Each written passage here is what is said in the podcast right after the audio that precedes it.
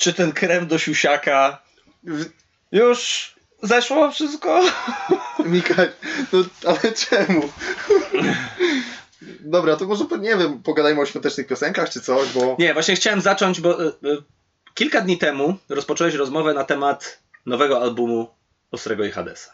Wiem, Tak że nie, jest. I wiem, że nie wszyscy może na, nasi widzowie, nasi słuchacze interesują się taką muzyką. To ja tutaj puszczę dźwięk. I faktem jest, że ja i ty w jakimś, w jakimś tam stopniu tą muzyką hip-hopową się interesujemy. To znaczy, nie wiem, nie wiem czy hip-hopową, bo bardziej chyba rapem niż... Yy, Znaczy tak, no bo jakby bo hip-hop to hip-hop jest... to jest subkultura, tak? My, no... Spójrz na nas, nie jesteśmy hip-hopowi w żaden sposób. Ja Ja, jest- jestem grudy, gruby, ty jesteś rudy. Ja nie jestem b-boyem. Nie ubieramy się w hip-hopowy sposób. Ja swój fulka włożyłem do szafy 5 lat temu i jak go zakładałem, to... A nieważne po co. Tak, ale hip-hop już dawno odło... znaczy hip-hop. Rap już dawno odłączył się od hip-hopu. Ja myślę, że hip-hop y, już umarł trochę. Taki prawdziwy hip-hop tak. Tylko pytanie, czym jest prawdziwy hip-hop? No bo Prawdziwy hip-hop to taki bez autotuna. ja tak, Tak nie uważam. Ja tak nie uważam, bo wydaje mi się, że nigdy, chyba nigdy nie można było powiedzieć o prawdziwym hip-hopie. No jak nie? A, Biggie, Tupac, De La Soul, y, mm, Big L. Tak, ale to zawsze było wynikiem e, jakiejś ewolucji. Gang, gangstar. ale czerpania z czegoś. I czy można powiedzieć, że. Znaczy, gdybyśmy chcieli powiedzieć, że kiedyś hip-hop był, to znaczy, że to było coś stałego. Ja odnoszę takie wrażenie. Czy hip-hop musiał ewoluować? Znaczy, no, Albo rap. słuchaj, muzyka każda jest jak język. Stale ewoluuje. Nie, nie ma nigdy nic, y, co byłoby, Jednostajne. co byłoby konstans. W każdym razie. Wróćmy do chaosu, tak. To była cudowna płyta. Jedna uważam z lepszych w polskim rapie. Ona wyszła w 2010 roku, prawdopodobnie. Bardzo możliwe, ale kiedy pierwszy raz usłyszałem chaos, bo tam był, e, tam pojawił się utwór, który był singlem i to była psychologia tłumu, o ile dobrze pamiętam. Bardzo dobry. Świetny kawałek. Ja w grudniu, kilka lat temu, podczas wigilii klasowej, od mojej koleżanki, która wylosowała mnie na tej wigilii, otrzymałem winyla chaosu. Co ty mówisz? I o uwierz takie mi- kobiety walczyliśmy. I tego winyla nigdy nie odtworzyłem. Ale zdjąłeś z niego folię?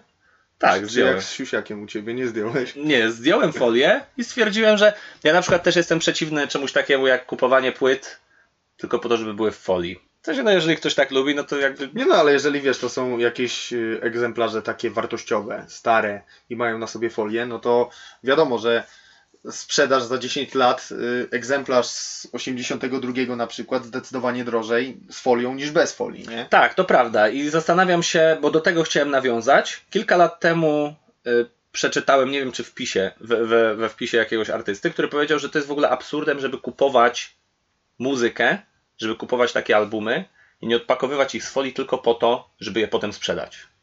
Żeby kupować je stricte z tym przeznaczeniem na tak zwany resell. I że to jest ucinanie w ogóle tej wartości artystycznej. kłóci z ideą muzyki. Tak, z którego to w ogóle wyrosło. I z jednej strony wiem, że jest na tym fajny zarobek, a z drugiej strony chyba tkwi we mnie taki pierwiastek, który mówi, ci ludzie tworzyli to po coś. I... Takiego hipisa. Tak, takiego hipisa. I przy okazji chaosu, który według mnie był tym momentem, w którym Ostry zaczął troszeczkę marnieć. Na chaosie pierwszym? Znaczy, e, sam chaos był początkiem jego końca. Bo po chaosie według mnie było już tylko gorzej. Tak, tak zdecydowanie. Ale y, nie uważam, żeby na chaosie Nie, na chaosie było jeszcze super. To może źle powiedziałem, że to był początek jego końca, ale po chaosie wydaje mi się, że potem już była równia pochyła. No bo co było po chaosie? Po chaosie była. Kartagina, która nie podeszła mi aż tak bardzo. Ja lubiłem Kartaginę. Nie podeszła mi jakoś super, ale są tam cztery kawałki, które zapadły mi w pamięć i lubię je. Gary Kasparow był fajny z tej płyty. Ga- A Gary Kasparow swoją drogą y, to był utwór, w którym był również niejaki Green. Taki gość. I Green wydał y, płytę. On się nigdy nie wybił, ten chłopak. Ma jakieś powiązanie y, na pewno z rejonem łódzkim, bo w, którymś ze swoich klipów szedł sobie przez y, Ow Piotrkowską. W każdym razie on wydał kiedyś płytę pod tytułem Kryptonim Monolog. Fenomenalną według mnie, która nie wybiła się w żaden sposób, ale fenomenalną. I jakiś czas temu, gdy miałem okazję organizować konwent ochrony danych informacji 2018 z ręki Kancelarii Radców Prawnych, takiej jednej mniejszej, to dostałem płytę, bo ta kancelaria ws- współpracowała z jakąś orkiestrą. I tam były takie fajne kawałeczki. Ja lubię różną muzykę, nie zamykam się na, na rap tylko. I to jest taka bardziej muzyka instrumentalna, grana na żywo. I tam, ja to odwracam w pewnym momencie. I tam ma właśnie swój udział ten Green. On nawija w pewnym utworze, takim wiesz, jak Miłosz robi na przykład. Miłosz już teraz ym, odbił od rapu kompletnie, tylko y, robi sobie występy z tą swoją orkiestrą. No to, to, to się zdziwiłem, bo gdzie muzyka klasyczna do takiego człowieka, gdzie ja słuchałem kryptonim monolog i to był taki, wiesz, taki rap naprawdę, jak na tamte czasy, taki prawilniejszy, ale jednocześnie duż, sporo refleksji tam było. No. No tyle o tym, o Gary Kasparow, nie? Tak, Gary Kasparow był fajny Ale, kawał. a Przyjaciel Diabła? Tak, to też było kilka. Znaczy, też odniosłem wrażenie. E, też bardzo podobało mi się kilku, kilka kawałków na tej płycie, ale odniosłem wrażenie, że Ostry na Kartaginie już przestaje być troszeczkę sobą. Zdecydowanie. I sam fakt współpracy z Marco Polo, który robił takie. Myślisz, że Ostry wyczuł wtedy? Chciał się posiłkować trochę? Bo Marco Polo to była taka współpraca, wiesz, Marco Polo trochę jak Killing Skills, no, taka współpraca konkretniejsza. Znaczy, no tak, no, jeżeli chodzi o Marco Polo, to wydaje mi się, że dla Ostrego to był jakiś taki e, element osiągnięcia pewnego poziomu zaznaczenia tego, że ktoś ze Stanów faktycznie jest w stanie zrobić z nim płytę, ale i o ile bity były ciekawe, to już wydaje mi się, że w polskim hip-hopie to był troszeczkę ten moment, kiedy hip-hop zaczynał się zmieniać. I Kartagina samą swoją taką, samym swoim jestestwem, o ile może broniła się bitami dla kogoś, kto lubił takie Mhm. truskulowe, tak zwane brzmienie, to przy ostrym już troszeczkę zaczęło, zaczęło mi to odpadać. I to był ten moment, bo do pewnego, do, do pewnego czasu sprawdzałem właściwie wszystkie płyty, od deski do deski. I do właśnie Kartaginy wszystkie płyty Ostrego mam od deski do deski przesłuchane, włącznie z takimi pierdółkami, które dla cudzysłowie niedzielnego słuchacza może są troszeczkę mniej oczywiste, jak 30 minut z życia, gdzie tam Ostry na 5 czy 6 kawałkach nawija właściwie freestyle'owo. I to są płyty, które nie zostały chyba oficjalnie, oficjalnie w, teraz nie, nie są w sprzedaży one osiągają jakieś ogromne w ogóle kwoty na, na serwisach aukcyjnych. I wtedy jarałem się tym Ostrym. No Czułem- bo Ostry, czego by nie powiedzieć, my się trochę wychowaliśmy na jego muzyce. Bo mogliśmy utożsamiać się z jego muzyką ze względu na to, że znaczy ty to nie jesteś y, z, z tego osiedla, wiadomo. Ale jakby Teofilów zawsze tam stanowił jakiś punkt wyjścia u Ostrego i Tak, ja w ogóle zastanawiałem się, że to był jeden z tych raperów i mieliśmy może to szczęście, czy mieliśmy tę okazję, by tak dobitnie słyszeć od artysty, że jest on właśnie z tego środowiska, że jest on właśnie z tego miejsca na Tak, ziemi, z tak. tego miejsca w Polsce, z tego miejsca w Łodzi i z tego konkretnego osiedla. I niejednokrotnie zastanawiałem się, czy jakikolwiek inny polski artysta również tak często właśnie to zaznaczał. Właśnie spójrzmy trochę szerzej. Czy jakikolwiek hip-hopowy artysta kiedykolwiek tak to zaznaczał? Spójrzmy na Ameryczkę. Tam jest tylko East Coast i West Coast.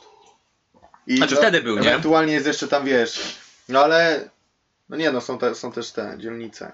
Znaczy wiesz, jeżeli Jak chodzi... jest z Brooklynu, no to, to tak konkretnie, nie? Tak, ale jeżeli, ja, jeżeli chodzi o amerykański rap, to ja mam strasznie duży ten problem, że jestem w stanie słuchać rapu ze Stanów.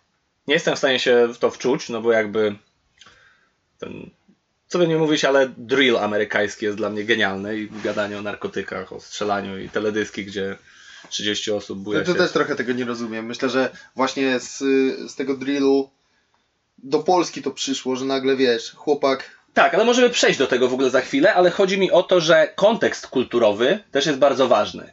I ten sam fakt, że nie, wycho nie wychowałeś się w Stanach Zjednoczonych albo nie żyłeś w tym środowisku, sprawia, że nie jesteś w stanie troszeczkę zrozumieć może tych realiów, o których, o których oni nawijają. Odnoszę takie wrażenie, że to jest dla mnie, że o ile Polski... Ale jakich realiów? Że, że co, że wstajesz rano, gonisz towar, wyjmujesz tam, wiesz, na ulicy, Nie, wiesz co, klamkę. wiesz co, chodzi mi o to, że w momencie, kiedy na przykład żyję w Polsce, to mam świadomość tego, że ktoś mówi o takich i takich zjawiskach społecznych, bo ja widziałem te zjawiska społeczne, kiedy dorastałem, na Jakie? przykład. No jeżeli chodzi, wiesz, o Polskę wychodzącą z biedy, bo wydaje mi się, że od tych lat 2000, no ciężko powiedzieć, że to było to wychodzenie z biedy, ale kiedy żyjesz w danym kraju i słyszysz rapera, który o tym nawija, też jesteś w stanie się bardziej, może nawet nie tyle z tym utożsamić, co zrozumieć tę całą otoczkę. I czasami mam tak z niektórymi albumami, że słucham ich po latach i dopiero wtedy jestem w stanie poprawnie zinterpretować jakąś linijkę. Mimo tego, że słuchałem tego utworu wielokrotnie, setki razy, kilka czy kilkanaście lat temu, i wtedy w ogóle nie zdawałem sobie sprawy, o co chodziło temu raperowi, bo to była tylko dobrze brzmiąca linijka. To ja mam tak po trawce. Jak zajerasz trawkę i słuchasz muzyki, to nagle rozumiesz wszystko. Odnajdujesz, wiesz, takie, y, takie follow-upy i metafory, które, wiesz, przy pierwszym odsłuchu, drugim odsłuchu, no nie wyłapujesz tego. No ja nie zażywam marihuany, mój drogi. Ja też nie. Ale czasem medytuję. Tak, ale i właśnie mam tę świadomość, że nawet słuchając y, tego amerykańskiego rapu, ja stawiam się nawet nie tyle w pozycji tego Michała sprzed kilkunastu lat, który część rzeczy rozumie, a część nie rozumie, tylko prawdopodobnie nie rozumie znacznej większości rzeczy, które się tam pojawiają. Bo wiesz, w momencie, kiedy ty na przykład słyszysz o tym gonieniu towaru, słyszysz o tym życiu na ulicach, o tych gettach, ja nigdy nie widziałem tych get, ale nawet nigdy nie słyszałem o nich. W taki sposób, wiesz, nie słyszałem o nich z pierwszej ręki, nigdy nie mówili o nich w wiadomościach. Nigdy nie widziałem ludzi, którzy I wiesz, byli... ja myślę, że różnica pomiędzy nami a Ameryką i tymi doświadczeniami, o których mówisz, wynika przede wszystkim z dostępnością do broni. Nie? To na pewno. Tak, ale z jednej strony tak, ale Ameryka też jest krajem znacznie większych kontrastów społecznych. I wydaje mi się, że mając okazję żyć w Europie, nie jesteśmy w stanie takich kontrastów doświadczyć jak tam. I Stany Zjednoczone to jest kraj, który jest zbudowany na dużej mieszance narodowościowej. Kwestia samego rozwoju Stanów Zjednoczonych przez ostatnie kilkaset lat sprawia, że ten multikulturalizm. Ja myślę, że jaki- pierdolisz trochę. Dlaczego? Przez Stany Zjednoczone. myślę, że w Europie również można zaobserwować takie, jak nie wyższe y, kontrasty społeczne. Ale zobacz na przykład ruch BLM. E, Niewolnictwo, znaczy okres, e, jaki dzieli Czym jest BLM? Rozwiń akronim. no, ten ruch, który narodził się po zabójstwie tego George'a Floyda. Mhm. Okej, Te- tego ciemnoskórego mężczyzny, który został zgładzony przez policjanta przy radiowozie. Tak.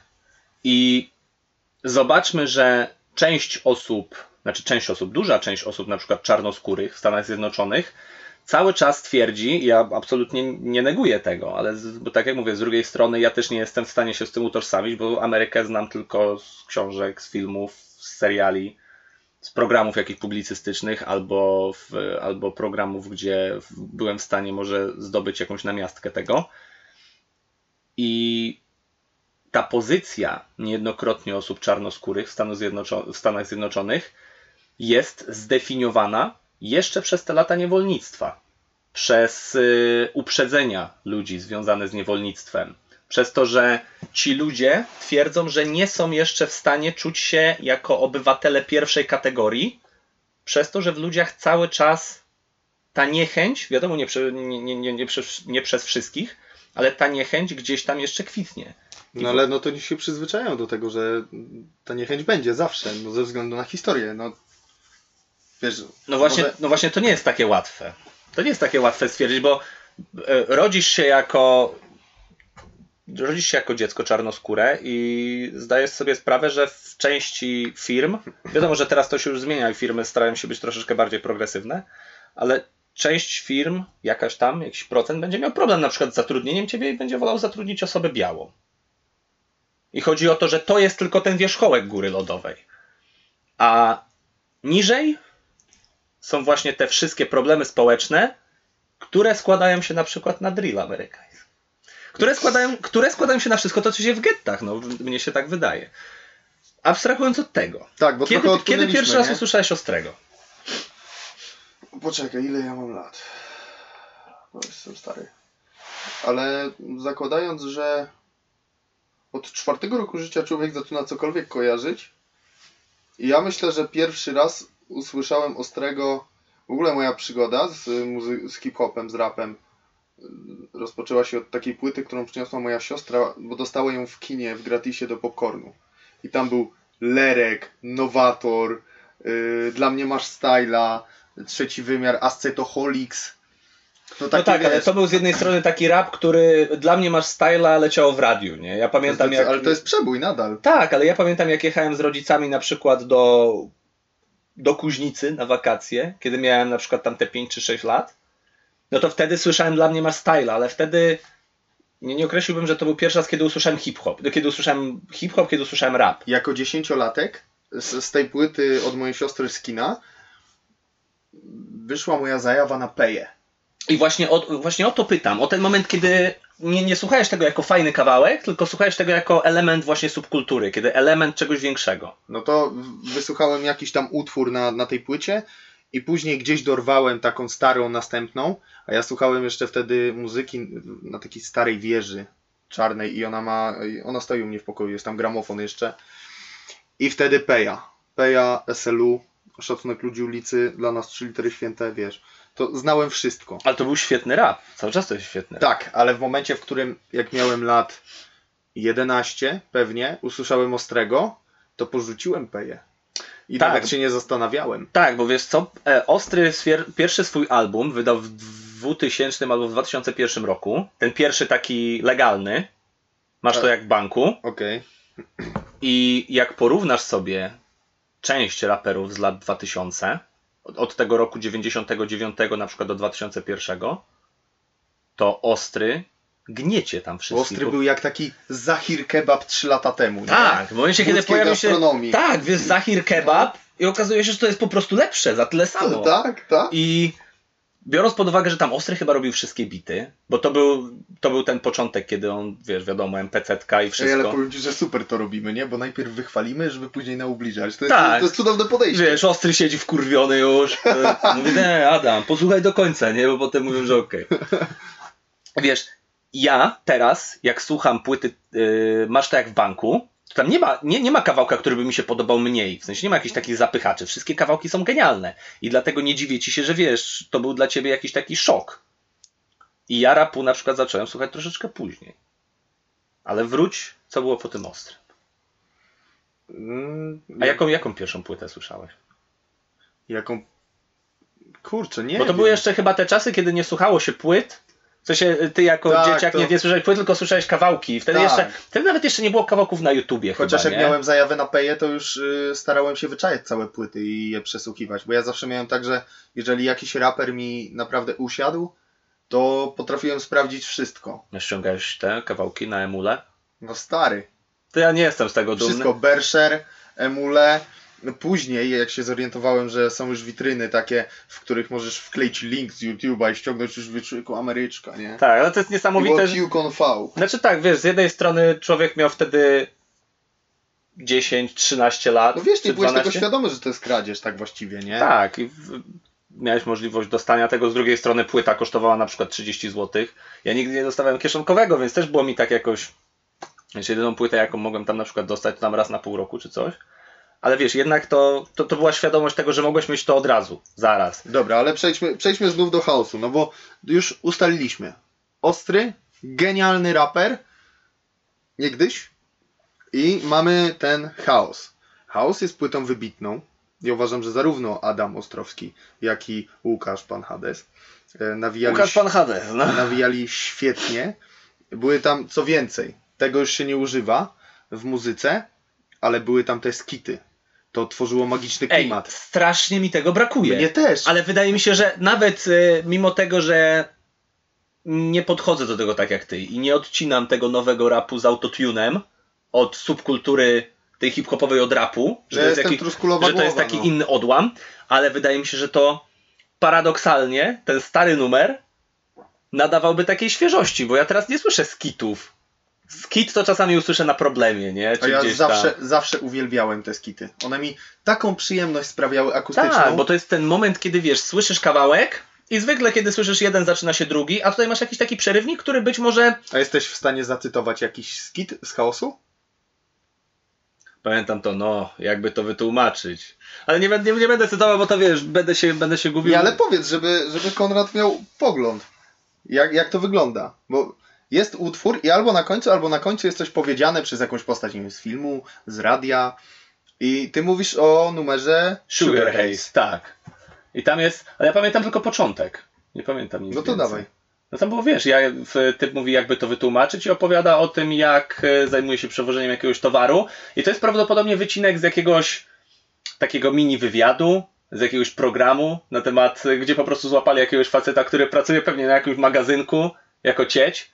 I on wypowiada się, czy tam, ty- że, że pilnuje tego, żeby zawsze towar dowieść, żeby się nic nie ukruszyło, czy coś. I to jest prowadzenie do kawałka de facto o dealowaniu. Tak, o dealowaniu słabym towarem. Tak, ale to A wiesz, drugi jeszcze pod koniec y, utworu pewnego utworu z chaosu, bo nie, wydaje mi się, że wiem, który to, ale nie chcę nikogo okłamać. Jest jeszcze postać, która mówi Nowy Jork, miasto, które zjada inne, inne miasta na śniadanie. Od biustu pani wolność? Po jakiś tam... Tam wiesz, ogryzek kawałek- wielkiego jabłka. Wiesz Tak. najlepiej dlaczego? Bo wielkie jabłko to w, w subkulturze amerykańskiej to jest określenie Nowego Jorku. Na Nowy Jork mówi się wielkie jabłko. No i widzisz, i to było super. Ja No. uwielbiam. Nawet kiedyś y, na zajęciach dałem y, magistrowi do przeczytania skit. Już nie obrażaj, że magistrowi, no ty po prostu wiesz, skończył studia. No. Dałem mu do przeczytania skit y, z płyty karty SIM. E, RH, tak? Tak, RH minus. RH minus. A, RH a RH plus to śpiewali to. Jezu, to Jezu, znowu, to znowu, znowu. zakochałem się. Tak słuchałem tego na koloniach w Poddąbie w 2008. Każdy Świetny kiedyś, utwór. każdy kiedyś tego słuchał, jak był zakochany. To był utwór taki, wiesz, on wjeżdżał na banie. Tak, i wiesz co, to były czasy, kiedy każdy miał Sony Ericssona z takim małym wyświetlaczem. Ale czego by nie powiedzieć, to wśród tamtych telefonów Sony Ericsson gniótł wszystkie. Tak, ale Sony Ericsson był wtedy. To były tak niesamowite czasy po prostu. Kiedy Nokia, wiesz, tam jeszcze coś. Zależy no, która, nie? były- Niektóre wyglądały bardziej tak Tak, designersko, ale ale... Sony Ericssony w ogóle, kurde, te wszystkie gry, ja ściągałem gry z forów na Sony Ericssony. Nieważne. Nieważne. Przecież daj no spokój. tak. Te kolonie w Poddąbie były świetne, nie? To był 2008 rok, super sprawa, wybawiłem się. Co prawda miałem wtedy 11 lat. No nie no, melanże już pierwsze balety, amfetamina, te... genialna sprawa. I wydaje mi się, że właśnie kiedy masz taki autotunowy kawałek, to te skity czasami, wiesz, nawet z głupiej rozmowy, tak jak na, e, Problemie. na problemie, ale wracając jeszcze wcześniej do muzyki na przykład poważnej PZ, czy do muzyki klasycznej. I tam były skity, gdzie PZ e, rozmawia prawdopodobnie z Nunem w studiu. Tutaj możemy wspomnieć o inside joke'u, jakim jest y, efekt dziada właśnie. Tak, bo wspominała często o tym efekcie dziada. I zawsze, kiedy ktoś powie efekt jest cisza, to druga osoba dopowiada, Efekt dziada. To po prostu chodzi o to, że właśnie na skicie, e, na jednym kawałku e, PZ, to chyba z muzyki klasycznej, właśnie PZ mówi, myślałem, żeby jakiś efekt nałożyć. I wtedy Nun prawdopodobnie odpowiada, Efekt. Efekt dziada. no właśnie. Także, a jeśli nie wiedziałeś, to teraz już wiesz. No ale no poczekaj, bo fajnie było wesoło, śmiesznie, ale należy już wspomnieć, że no swoją premierę Chaos 2 miał bodajże przedwczoraj. Nie słuchałem i nie przesłucham. Ja również nie słuchałem, przesłucham, ale gdybym był przekonany, że to dobra płyta, to już bym przesłuchał. Tak, i to jest coś takiego, że ciężej, ciężej jest ci się z powrotem przekonać do kogoś. To jest smutne i mam nadzieję, że pan Adam nigdy tego nie usłyszy, co mówię.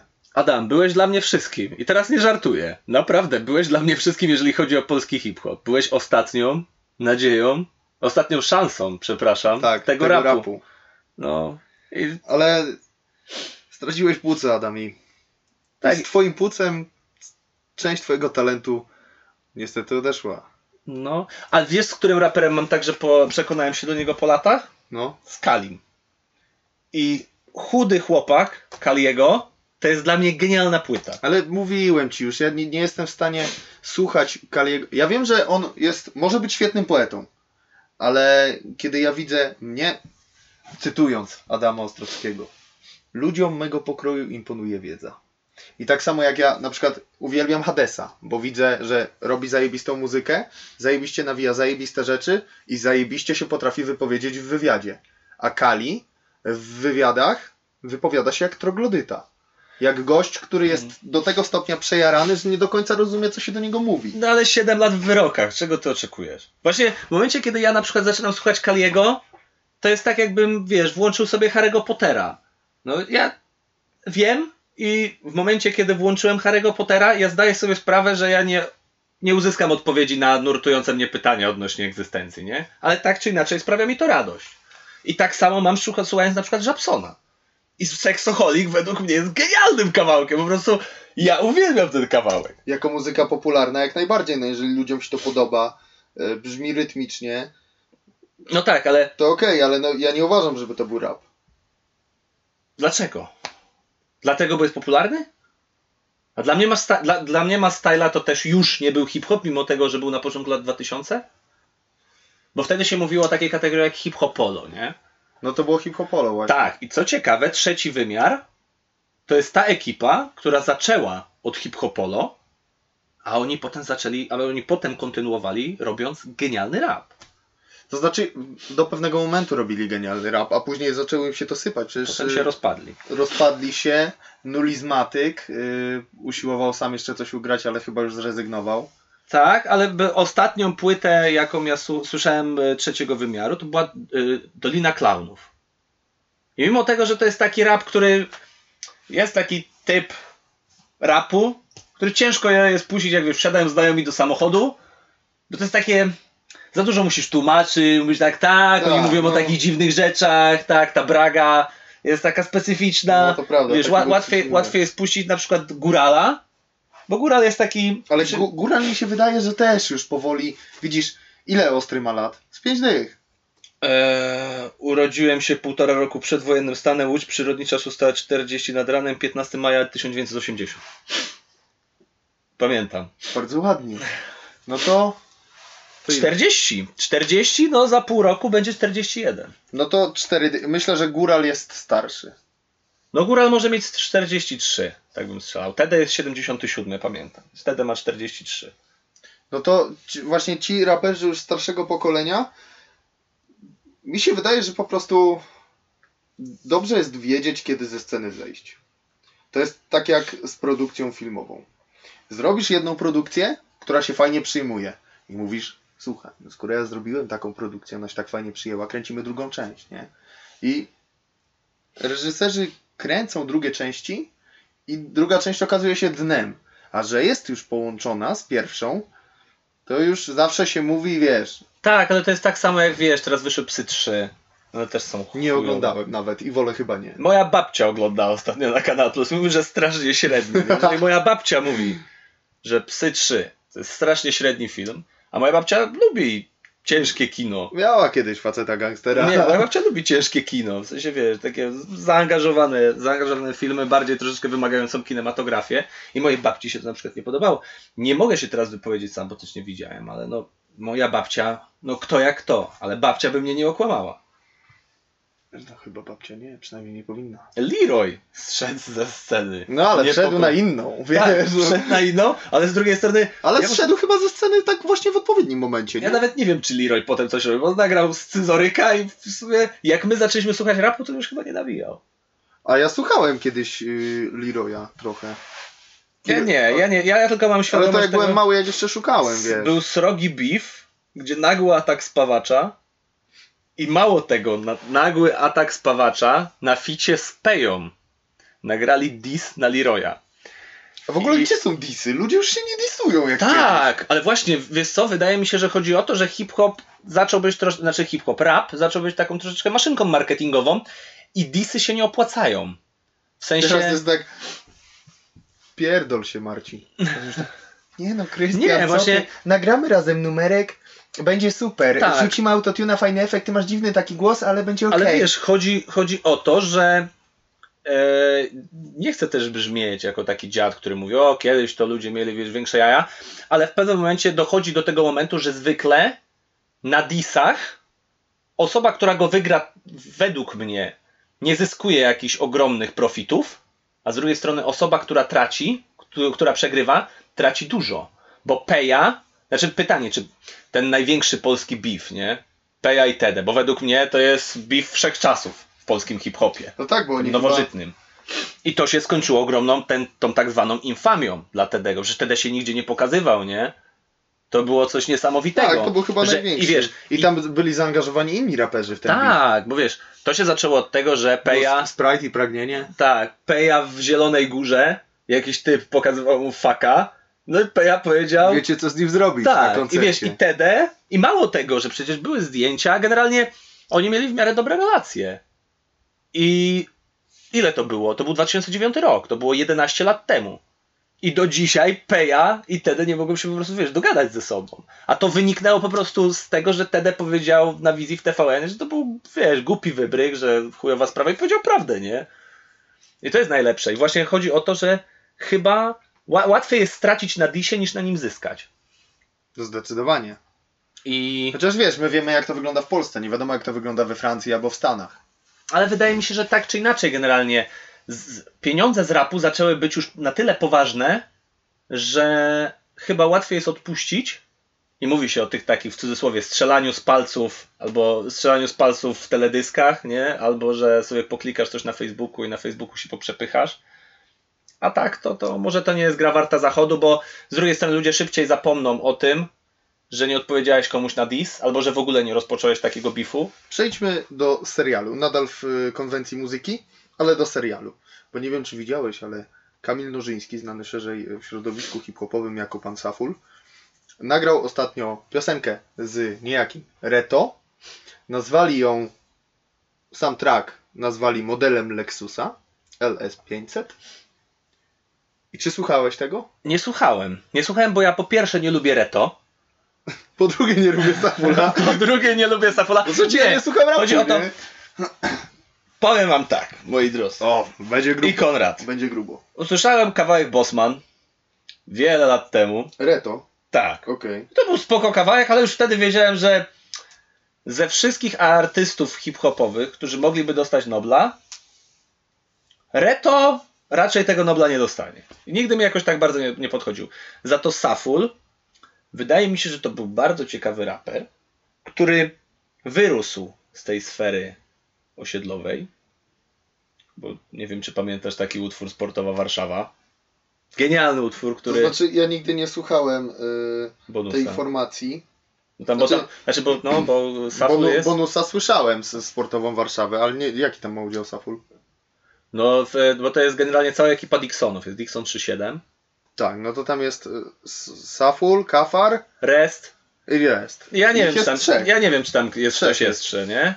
Z całym szacunkiem, ale Saful wydaje się być taki troszeczkę. Najsłabszy z ekipy, no bo powiedzmy to głośno. znaczy, przecież- no, nawet nie tyle najsłabszy z ekipy, co powiedział w drugą stronę, jest, wydaje się najbardziej ogarnięty. Ale jego zwrotka i ogólnie jego rap takiego zawsze średnio mi podchodził. Znaczy, nie znam tych innych, ale faktycznie on może być dość sztywny. Tak możemy domniemywać, że jest dość sztywny.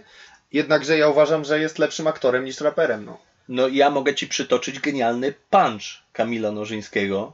Tak od poranka, bez opierdalanka lepiej trenować niż zaglądać do dzbanka. Przecież to z całym szacunkiem. Ale nie, no ty lubisz takie, ty lubisz znaczy, takie nie, no to, to, brzmi, to brzmi tragicznie. No w sensie jest uliczny rap, jest rap, rap wręcz patologiczny, który ja ubóstwiam. I do tematu Rogala DDL jeszcze przejdziemy. No nie. Ale to nie dzisiaj, nie dzisiaj. Nie dzisiaj. No dobra, to na, na spokojnie. Tak, ale mimo wszystkich być może tych talentów, no to jednak kiepsko mu szło w tym rapie. I być może te, te I aktorstwo- inaczej mu nie będzie szło, po prostu musi być na uwadze, że pewni ludzie nie są stworzeni do pewnych rzeczy. Tak. On, oglądałem Ślepnąc od świateł, tam on podobał mi się jako aktor, chociaż to był jego debiut i wynikał tylko i wyłącznie ze znajomości z, ze Skoniecznym, który Jak mi się wydaje. No. no, był reżyserem. No przecież on sam powiedział w wywiadzie, jak to było, że Skonieczny zadzwonił do niego, powiedział, słuchaj, ty byś mi pasował tutaj do, do roli. No tak, no bo chudy chłopak dojebany, z, znaczy dojebany, wiesz, wyżyłowany z osiedla. No dojebać jeszcze musiał do serialu trochę, nie? Ja zgłębiłem, bo mnie się bardzo podobał ten serial i zrobił na mnie ogromne wrażenie. A ponadto odbił się jeszcze, wiesz, na świecie, nie tylko w Polsce. No bo to przecież HBO i... HBO w Stanach puściło ślepnąc No, otóż świata. to. Więc myślę, że ten kawałek. No po tym kawałku on powinien tego posłuchać i już stwierdzić. Kurwa, może. Tak, już w studiu, nie? W sensie ja mówi, powinienem nagrać ten film w Czechach, a nie tutaj siedzę, nagrywam Tak. muzykę. no, ja w pewnym momencie swojego życia na przykład stwierdziłem, że bardzo chciałbym być architektem. Ale potem na kanwie dalszych wydarzeń po prostu doszedłem do wniosku, no, że jakby nie jest to dla mnie. Nie umiem rysować, nie mam jakiejś takiej przestrzennej wizji. Nie potrafię liczyć jak kalkulator, a i liczenie nie jest moją ogólnie najmocniejszą stroną i moją A fascynacją. kim chciałeś być? Jak, zawsze jak masz, nie wiem, 5 lat, to są takie pytania zadawane. Kim chcesz zostać, jak będziesz ja właśnie wtedy zawsze chciałem być architektem. Ja, to, ja jak miałem 5 lat, to nie wiedziałem, że istnieje taki zawód. Nie no, to 5 lat to ja nie pamiętam, no ale myślę, że jak miałem te 8 lat, to zawsze chciałem być architektem. Dla mnie z za, zawodów, jak miałem 5 lat, to było, był tak, weterynarz, strażak, policjant, lekarz i listonosz. I to był Ty, finał, no bo to, nie? ty, bo to jest 5 zawodów, które potrafi ci średnio 6-latek wymienić, nie? To po prostu wymieniłeś wszystkie, które znałeś, nie? No tak, no bo znałem tylko te, więc... No właśnie dlatego mówię, nie? To by nie nawet No nie ale było... to ty chciałeś być, no ale nie, no to ja pytam tak o te 5 lat, no 5 lat to jest chyba... No wiadomo, że pewnie chciałem być wtedy piłkarzem, nie? Czy, czy. Ale, Czy, czy, ale wiesz, trafiłem do złego klubu sportowego. Pograłem trzy Dwa tygodnie. spotkania i, te, Nie, i ta, wiesz, łąkotka, te sprawy. Ja chciałem być antyterrorystą zawsze. O, ale zawsze możesz zostać. Tak.